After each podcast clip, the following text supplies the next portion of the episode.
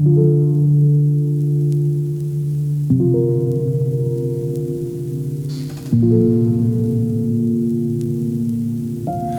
lyssnar på Parafraspoddens Mellansnack 9. Denna gång med mig, Rickard Sundström. Jag brukar göra de här mellansnacken tillsammans med någon, en blandning av intervju och samtal. Men detta mellansnack blir lite annorlunda. Jag tänkte nämligen själv dela lite tankar runt jämförelse. Som jag hoppas ska vara till hjälp för dig som vill följa Jesus. I Lukas 18, 9-14 så berättar Jesus en liknelse om en självgod farisé som föraktade andra. Liknelsen handlar också om en trasig, ångerfull tullindrivare som vädjade om nåd hos Gud. Jesus berättar den här liknelsen för citat, några som var säkra på att de själva var rättfärdiga och som föraktade andra. Det blir av bara farten en text om jämförelser. Vi jämför oss ständigt med andra och det är nog naivt att tro att de här jämförelserna och speglingarna mot andra kommer att upphöra. Alltså det är ytterst mänskligt oundvikligt och ibland även till vår hjälp att förstå vår plats på jorden eller i en arbetsgrupp. Men jämförelser sårar ju också. Kan göra oss till en farisé muchos grande eller en utraderad tullindrivare. Och vår kultur den har ju höjt jämförelsen till nya nivåer genom att göra underhållning av den. Det är inte nog med att vi alla stretar oss genom veckan i jämförelser med vänner, kollegor eller superstars. När helgen äntligen kommer så då bänkar vi oss framför TVn, vi ser Idol eller Let's Dance. Och i ärlighetens namn. Idol är ju ingen artisttävling, det är ju jämförelsens ångest på bästa sändningstid. Let's Dance handlar ju inte om dans, det är ju bakom trikåer och volanger våndan i att prestera och bli jämförd och bedömd. Vad gör det med mig att leva i en tid av så enormt mycket jämförelser? Vad gör det med mina barn att växa upp i en tid av lilla Mästerkockens ständiga jämförelser? Där allt som ofta slutar i uppmaningen Ring in eller ladda ner Duo-appen, jämför, bedöm, skicka någon till kvartsfinalen. Äh, och dig själv till gärdsgårdsserien. Du som inte ens kan steka ägg. Okej, okay, jag är ingen psykolog, jag är bara lindrigt utbildad teolog. Men jag är pappa, jag är make, jag är människa och jag har en envis längtan att följa Jesus. Det startade i barnaåren och genom livets kalas och trasighet så fortsätter jag och tänker att det är bättre att säga något än inget alls om jämförelser. Sen får du som likt mig vadar fram i gyttjan av jämförelser fundera vidare hur större frihet ser ut. För det måste gå att hitta en hållbar väg mellan ett sunt, gudagivet bekräftelsebehov i oss och en ändlös jakt på att bli sedd. För frågan blir om jag kan göra något åt detta. Kan jag ta spjärn mot alla jämförelser och den förbannelse som jämförelserna blir? Hur kan jag följa Jesus tätare i en nervös värld av ständiga avstämningar och sorteranden?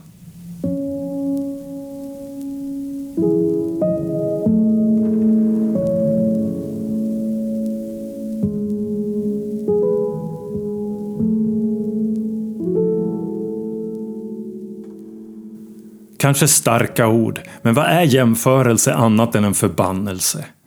Den är obarmhärtig och utan slut. Den är orättvis, för vi har totalt olika förutsättningar i livet, är skapade unika och rustade, vi är begåvade på helt skilda vis.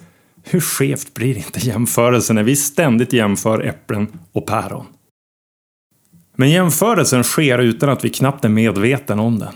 Vi ser någon på stan, hör om någon i fikarummet, ser en statusuppdatering eller instainlägg och av bara farten så jämför vi oss mot detta.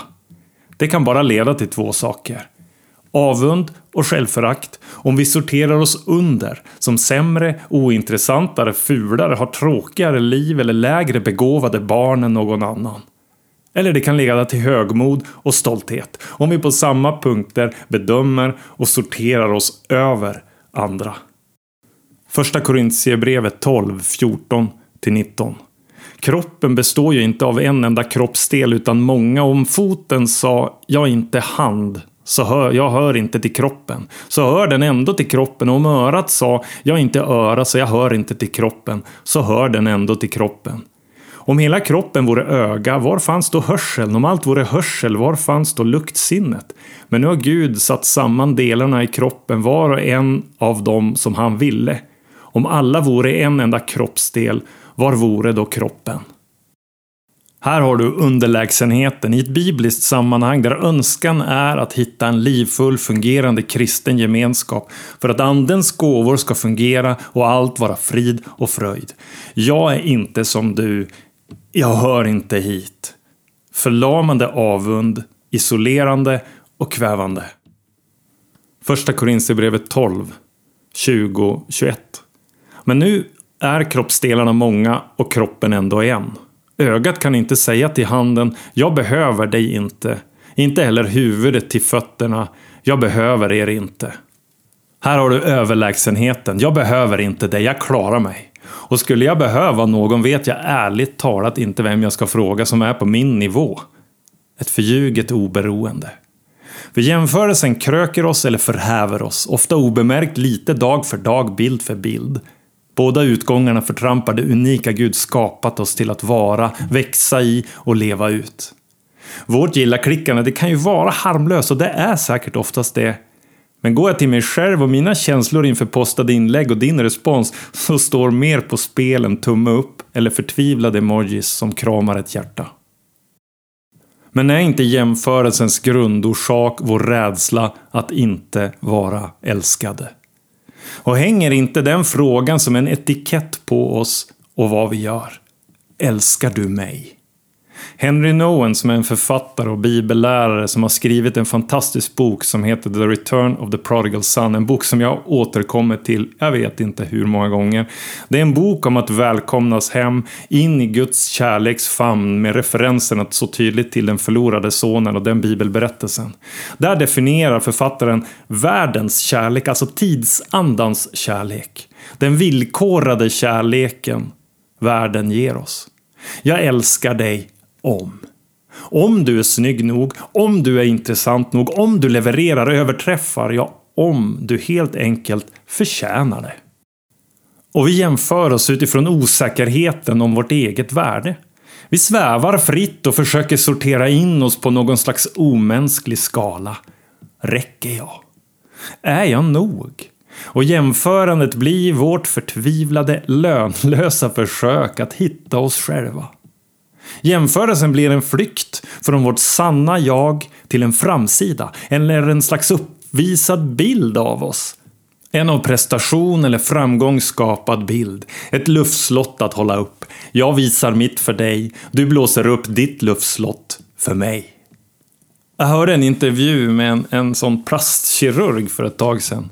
Och som visar extremen av att vi förflyttat oss i vår tid, kanske i vår kultur så tydligt, från verklighet till bild. Allt fler kom nämligen till den här äh, läkarens klinik för att få hjälp att återskapa det ansikte och den kropp som filter och bildretuscheringar skapat och den image personen spridit. Alltså nu vill man först bli sin bild, se ut som sin skapade bild om man ska våga lämna sin lägenhet. Eh, det känns en bra bit ifrån mig och mina vänner. Men självkännedomen i mig är tillräcklig för att veta att samma mekanismer av image och att hålla upp en bild för andra pågår i mig. Jag älskar dig om.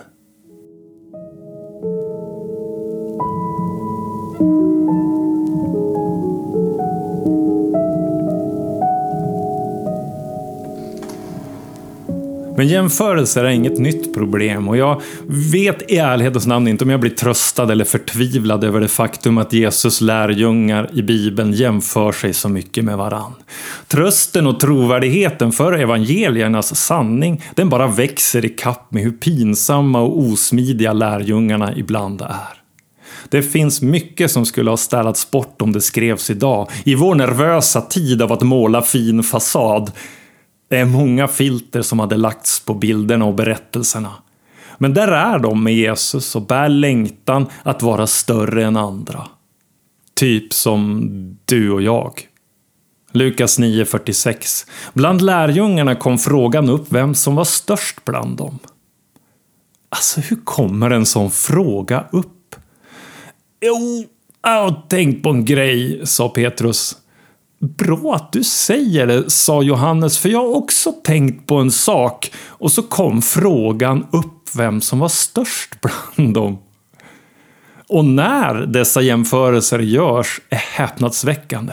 Just efter den första nattvarden, Jesus har brytit brödet, han har delat sitt hjärta och slutit ett nytt förbund med mänskligheten. Det här är en av milstolparna i världshistorien. Då händer det. Lukas 22-24. Det uppstod också en dispyt bland dem om vem som skulle anses vara störst av dem. Här kommer inte ett samtal upp, här är det en dispyt. Och Jesus anförtror dem flera gånger vad som väntar. Han är på väg till Jerusalem för att utlämnas och dö. Då tänker lärjungarna, aha, nu är det rätt tillfälle att diskutera vem som är störst av oss. Markus 9.33. De kom till Kapernaum. När Jesus var hemma frågade han dem, vad var det ni talade om på vägen? Men de teg. För på vägen hade de talat med varandra om vem som var den störste. Ridå ner. Ett par av dem har till och med en mamma som gör bedömningen att det rimligaste vore att hennes söner, när hon jämför med resten av det här packet, borde sitta bredvid Jesus i himmelriket. Jesus möter upp med att ta fram barn och allt vad barn kan exemplifiera av lågstatus, icke-prestationer, av lekfullhet och tillit, bekymmerslöshet och vila i föräldrars omsorg och kärlek.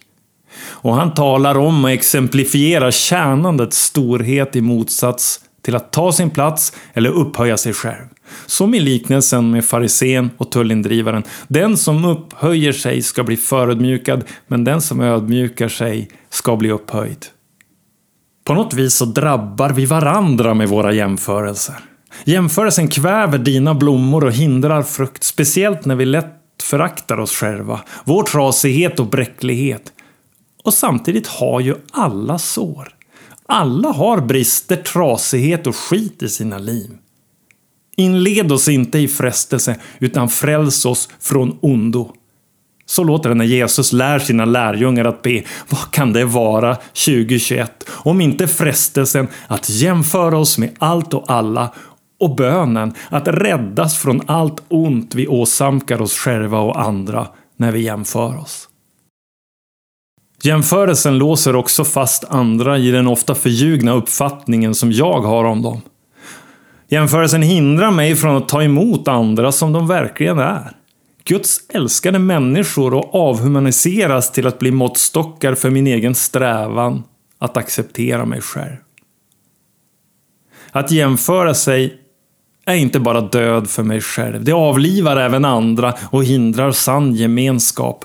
Världens villkorliga kärlek blir måttstock och ingen vinner. Vi älskar varandra om. Och alla förlorar.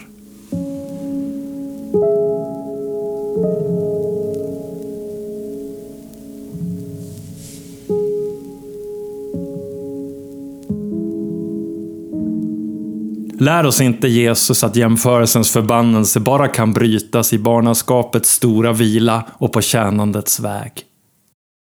Jag kände tidigt gentemot våra barn, jag, jag, jag måste på något sätt heja på, jag måste bomba på sanning, sanningen om dem, för det finns så mycket lögner som kommer att vilja tala över dem och kväva och, och, och trycka ner och, och skapa jämförelser. Det kommer ju de att möta.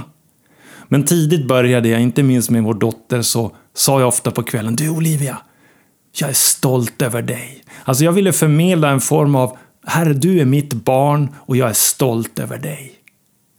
Och då kunde hon titta upp över täckets kant med sina pliriga treåringsögon och säga, och jag är stolt över mig själv.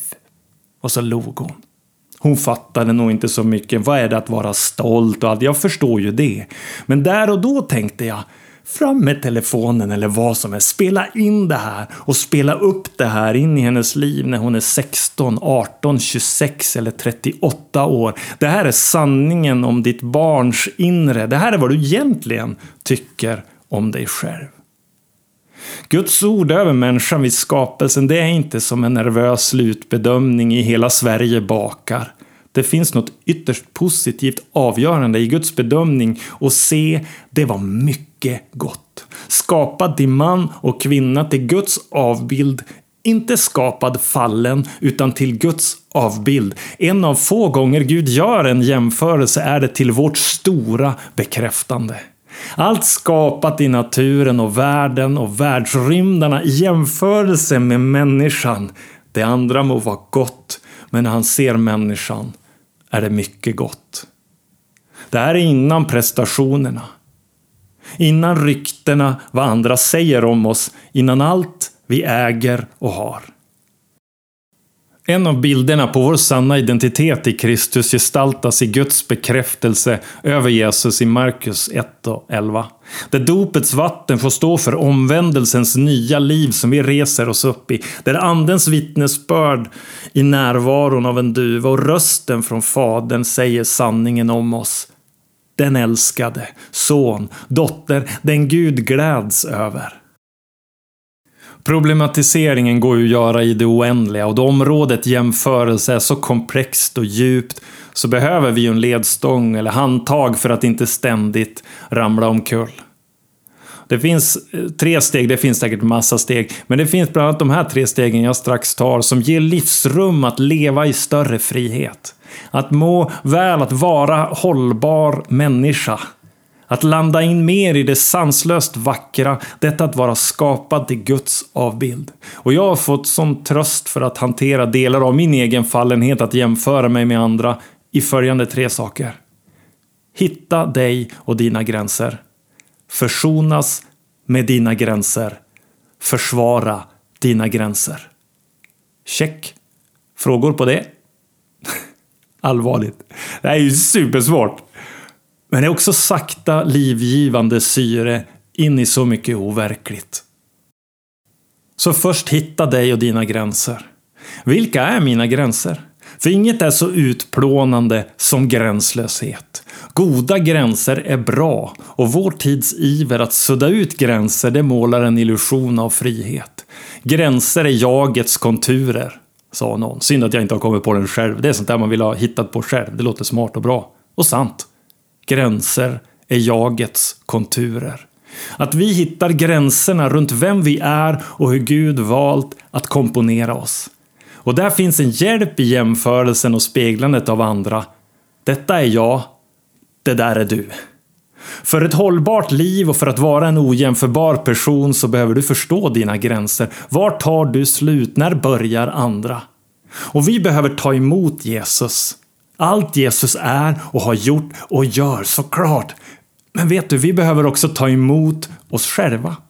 Budskapet idag är ju du ska älska dig själv. Jag undrar om inte vi skulle behöva tweaka den lite och säga du behöver ta emot dig själv. Det är en långsam process att förstå min egen personlighet. Mina gåvor, mina gränser. Att inte förakta mig själv utan se Guds godhet i vad han skapat i mig. Att inte trampa på det Gud skapat. Att sortera ut vad behöver jag jobba med, ta hjälp för, kanske bli hel och fri från som omformat eller sårat mig. Vad behöver jag sluta strida emot och ta emot? Andrew Peterson, en artist som har skrivit många bra sånger, har bland annat skrivit Be kind to yourself och där sjunger han How does it end when the war that you're in is just you against you against you? You've got to learn to love your enemies too. Gränser som ska upptäckas. Men jag är inte säker att ett like-race på sociala medier hjälper mig med att hitta mina gränser och ta emot mig själv i tacksamhet. Algoritmerna är inte riktigt programmerade för att hjälpa mig med det. Jag tar emot Jesus i mitt liv och jag tar emot mig själv. Utan jämförelser, utan förakt eller avund gentemot andra. Jag vill förbli i Gud. Förbli i mitt gudagivna jag. Det här är vad jag skapades till och alla andra grenar får klippas av, de är antingen döda eller fruktlösa. Både Johannes 15 och första Johannesbrevet är välgörande läsning. Där står bland mycket galet bra bland annat att Gud förblir i oss vet vi av anden som han gett oss. Att vi förblir i Gud, det vet vi av att vi håller hans bud och det är att tro på Jesus namn, på Guds son, på frälsaren och älska andra, älska varandra. Ah, jag längtar efter mer av det.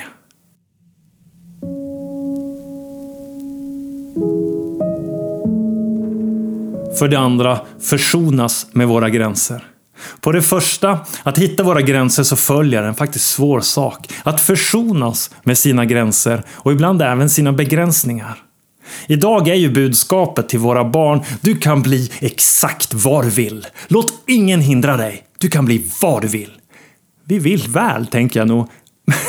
Men jag är inte övertygad om att vi är till långsiktig hjälp.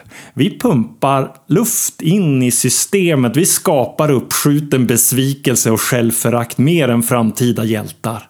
Alltså hör mig rätt. Vi ska peppa, vi ska hjälpa unga att drömma stort.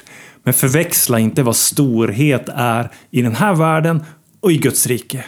Du kan ha tusen möjligheter genom din härliga personlighet, men du kan inte bli exakt vad du vill. Och vet du, det är en helt underbar, livsfrämjande, långsiktigt hållbar och befriande sanning. Gränser är frihet.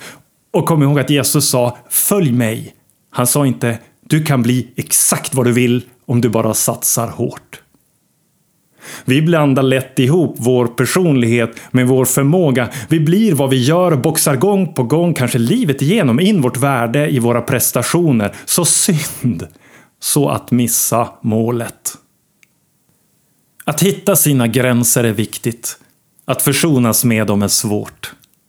Det tar tid. Och själv har jag försonats med vissa av mina gränser. Andra är en pågående resa att bli vän med. För jag jämför mig med dig och önskar att jag vore mer som du. Vad du kan, orkar, vill och får till. För att inte nämna hur du ser ut och vad du just köpt.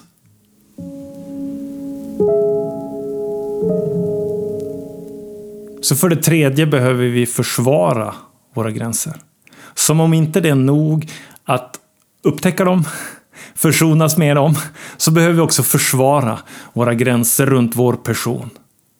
Men inte bara gränserna runt vår personlighet och det som är du. Utan för att må väl vet vi också att vi behöver gränser runt vår tid. Vem som får vår tid, att vi får ensam tid eller tid till gemenskap. Att vi försvarar gränserna runt vår familj eller våra relationer.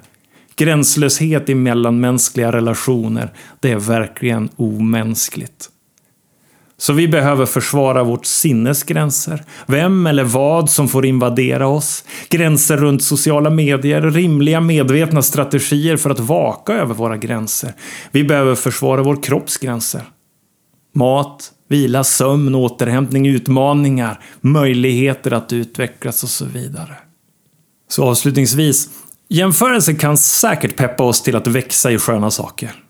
Att ändra dåliga vanor Kanske kan den hjälpa oss framåt, men då vi alltid jämför oss med andra ofullkomliga människor kommer vår jämförelse alltid att bli bristfällig. Det finns något som är skevt i den. Det finns fördelar med den, men den kommer också med nersidor. Som lärjunge är Jesus mitt exempel, men det vore patetiskt jämföra mig med honom.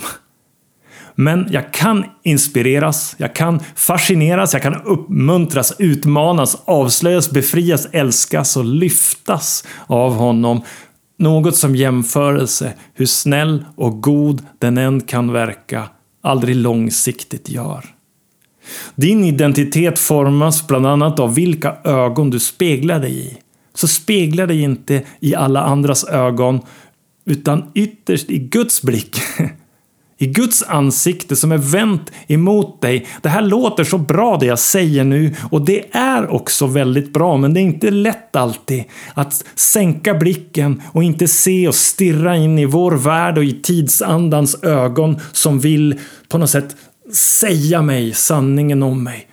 Se ifrån det, lyfta min blick och se in i Guds barmhärtiga ansikte och få sanningen speglad över mitt liv.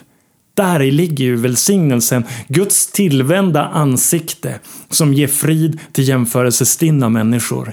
Guds ansikte, vi, vi ber ju så, har du hört det någon gång? Vänd ditt ansikte mot oss. Det är att vända sig mot ett ansikte och en blick som lyser med klarhet och nåd. Se in i ögon som ser allt men som inte tittar bort. Som stirrar ner krav och fördömelse.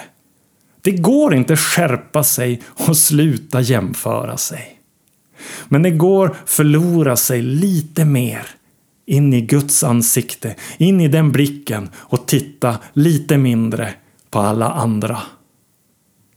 Fritt ifrån Saltaren 121. Jag lyfter mina ögon upp till bergen. Varifrån ska min hjälp komma? Ha, min hjälp kommer från Herren som har skapat himmel och jord. Inte låter han din fot vackla. Inte slumrar han som bevarar dig.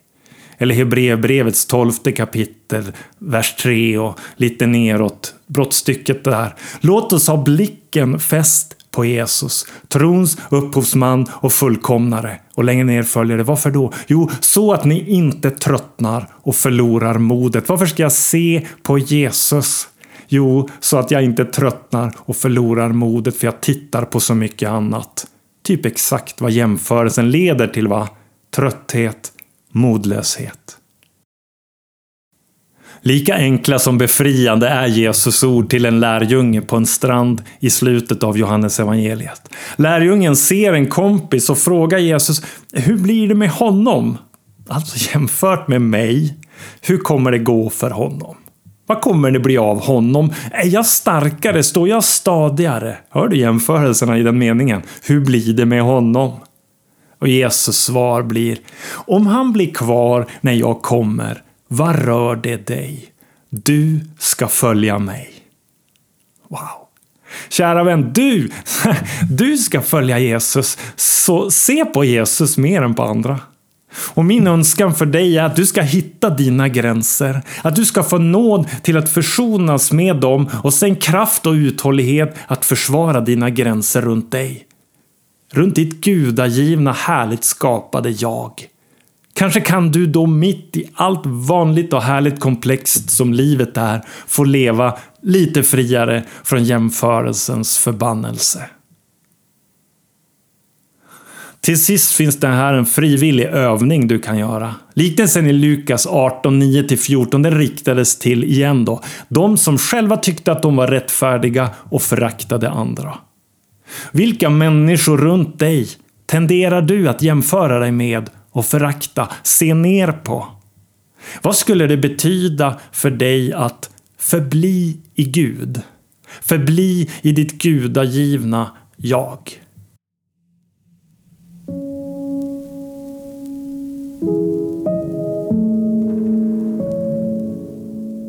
Om du har lyssnat på det här och känner vad har jag lyssnat på? Vad var det här?